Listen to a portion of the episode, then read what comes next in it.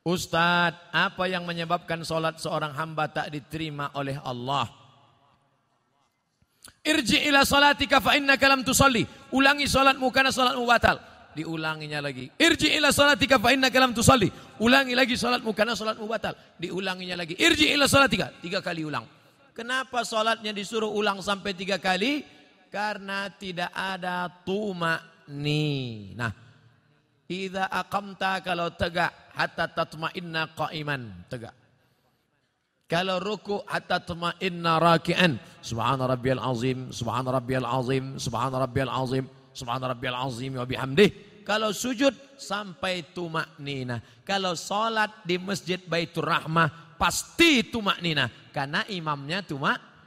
Yang biasa orang tak tumak nina salat sendiri macam bambu di hembus angin. Allah Allah Allah Allah Allah Allah Allah Allah Allah Allah Allah Puff. Selesai. Maka sholat berjamaah. Alhamdulillah adik-adik mahasiswa-mahasiswi Baitur Rahmah pasti sholatnya ada tumak nina karena sholat berjamaah bersama imam. Dua yang menyebabkan sholat batal. La sholat sah sholat liman lam yakra bi fatihatil kitab. Fatihahnya tak betul. Fatihah rukun sholat luruskan. بسم الله الرحمن الرحيم الحمد لله رب العالمين الرحمن الرحيم مالك يوم الدين إياك نعبد وإياك نستعين اهدنا الصراط المستقيم صراط الذين أنعمت عليهم غير المغضوب عليهم ولا الضالين آمين betulkan Fatihah ngaji ikra ngaji ikra seandainya tak ada ulama dari Minangkabau mungkin saya tak pandai membaca Quran jadi Ustadz dulu ngaji sama siapa ulama-ulama Minangkabau yang mengajarkan mengaji alif di atas alif di bawah i alif depan u a i u Diate itu kan dari Minangkabau. Alif dua diate an, alif dua di bawah in, alif dua di depan un, an, in, un. Yang tahu berarti udah tua. Anak-anak kini tidak tahu itu lah. De apo guru mengajinan kini bukan dari Minangkabau tapi dari Yogyakarta. Jenenge sopo? Kiai Haji As'ad Humam. A a a bataba batata batata batasa basaba. Yang dulu hampir seluruh Sumatera itu guru dari Minangkabau. Alif di ATA, alif dua di ATAN. Mengalir pahalanya. Jangan sampai Fatihah tak betul. Apa kiat hijrah? Bagaimana cara agar kita tetap istiqamah? Yang pertama selalu pergi ke rumah sakit. Balik dari sini, jangan pulang ke rumah, pergi ke rumah sakit. Nanti kalau security nanya, mau ke mana mbak? Mau nengok orang sakit di rumah sakit. Mau ruangan berapa? Sadonan di siko ingin ambo calia. Saya kalau diajak jamaah, Ustadz ayo kita ke ruang ICU. Datang. Tulis dia teh ICU. Artinya ICU. Ambo mencaliak waang, waang tidak bisa mencaliak ambo. Nampak di sana orang cuci darah, keluar darah dari dalam badan, masuk ke selang, masuk ke mesin, dicuci lima jam, masuk lagi. Sakitnya berapa? Duitnya berapa? Maka kita yang sehat bersyukur nikmat sehat dengan banyak-banyak beribadah. Tak juga bersyukur nengok orang sakit, pergi ke kubur menengok orang mati. Mim dia mata ya bawati, mati. Tengok bagaimana, apa yang akan dibawa? Tinggal akan dibawa solat, solat. Inna awala ma yuhasabu bihil abdu yaumal qiyamah. Yang pertama kali dihisap, dihitung hari kiamat, solat. Yang ketiga buat komunitas. Komunitas alumni Baitur Rahmah. Buat satu contoh sekolah percontohan. Madrasah tahfiz Quran alumni Baitur Rahmah. Anak yatim uang sekolahnya tanggung. Guru-gurunya kalau sudah ada yang sudah ada itu aja jaga. Alumni-alumni pulang dari sini buat ikatan alumni pergi cari mana sekolah. Pak kepala sekolah, ya. Berapa guru yang belum digaji? Berapa anak yatim yang belum bayar uang sekolah? berapa kursi yang patah, berapa whiteboard yang rusak, berapa papan tulis yang bolong, berapa atap yang perlu diganti. Bapak mau ganti? Enggak, bertanya saya. Bantulah. Itu yang akan membuat kita istiqomah insya Allah. Saya sebelum datang ke kota Padang, kami tidak dari Payakumbuh. Padahal kalau dekat dari Pekanbaru dekat Payakumbuh. Tapi kami mutar ke Indragiri Hulu, masuk ke Kuantan Singingi. Kenapa? Karena menyalurkan dana untuk mendirikan madrasah ibtidaiyah di suku terasing di dalam hutan. Itulah yang akan menolong di hadapan Allah Subhanahu wa taala. Nah, jadi adik-adik, kawan-kawan, sahabat-sahabat buat komunitas. Saya banyak ceramah ke tempat-tempat bertemu dengan komunitas. Ustaz Somad, kami dari komunitas. Apa namanya?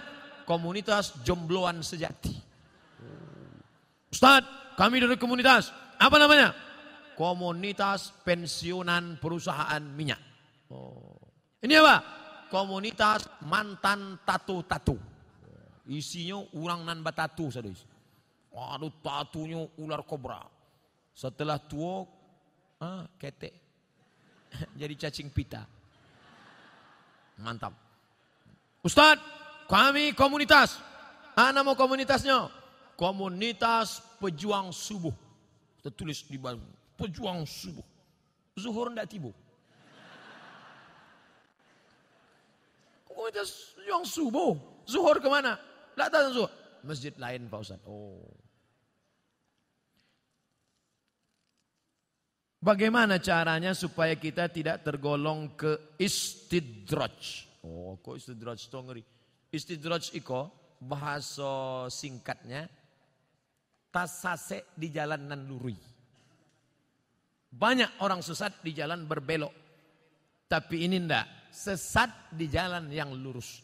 Nampaknya dia lurus, tapi sebenarnya sedang sesat. Nauzu billah.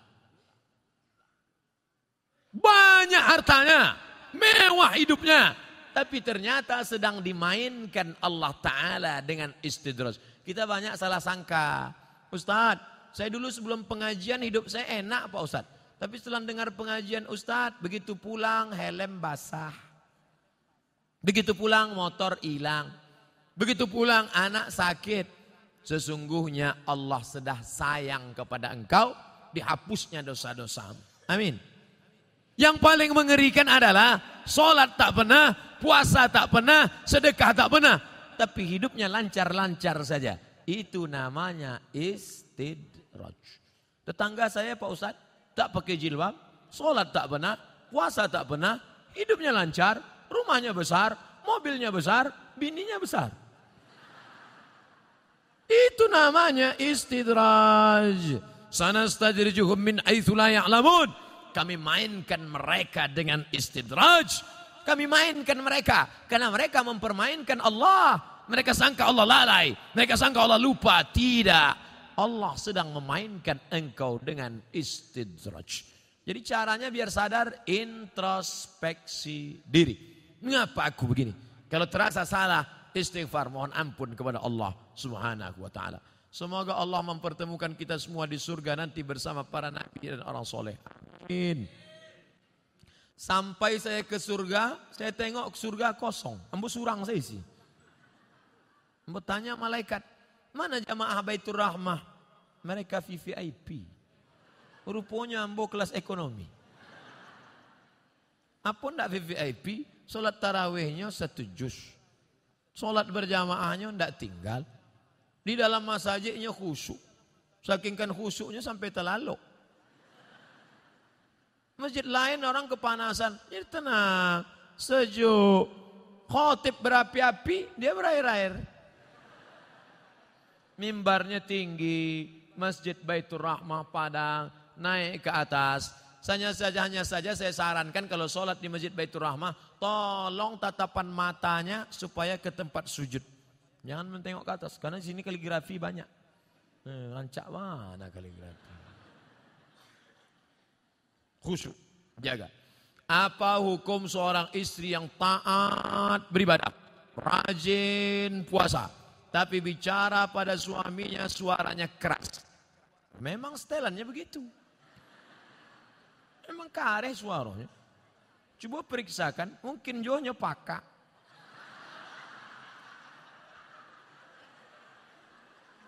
Mungkin ini orang gunung, orang gunung suara keras. Beda sama orang Sunda. Kalau orang Sunda, Mas, hujan. Orang Sunda kalau ngasih tahu suaminya hujan, hujan. Lah basah kain baru. Tapi sampai lain enggak. Hujan, hujan, hujan, hujan. Nah, jadi jangan serta-merta kalau kareh melawan.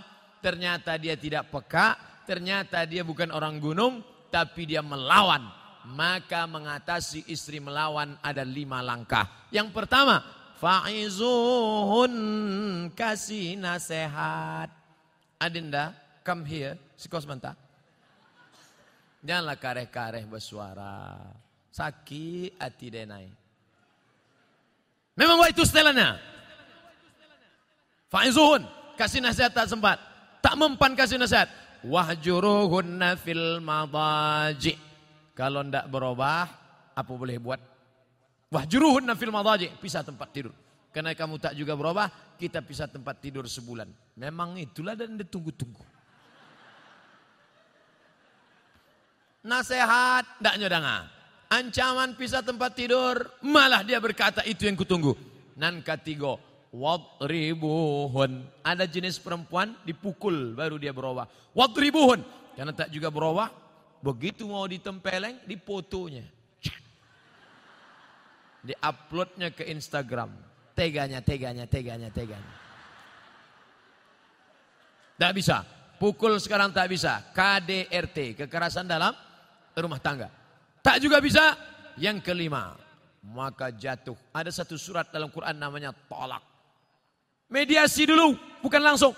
Jadi bukan mentang-mentang kasar. Ini banyak laki-laki sikit-sikit. Oh, talak seratus.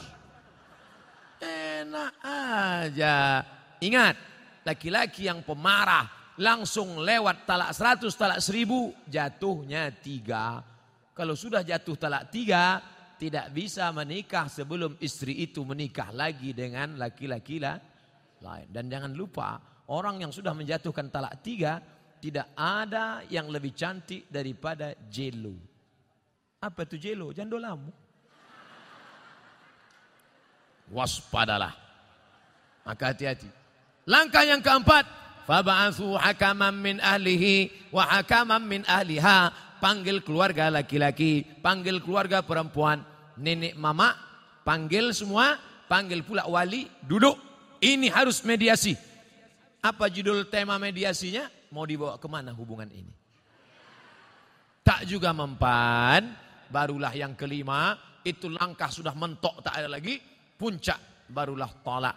Karena kau tak juga berubah, kau melawan, kau emosi, akhirnya jatuh talak satu pun masih bisa rujuk tiga bulan. Gimana? Sudah jatuh? Alah, macam itu sepuluh aku dapat.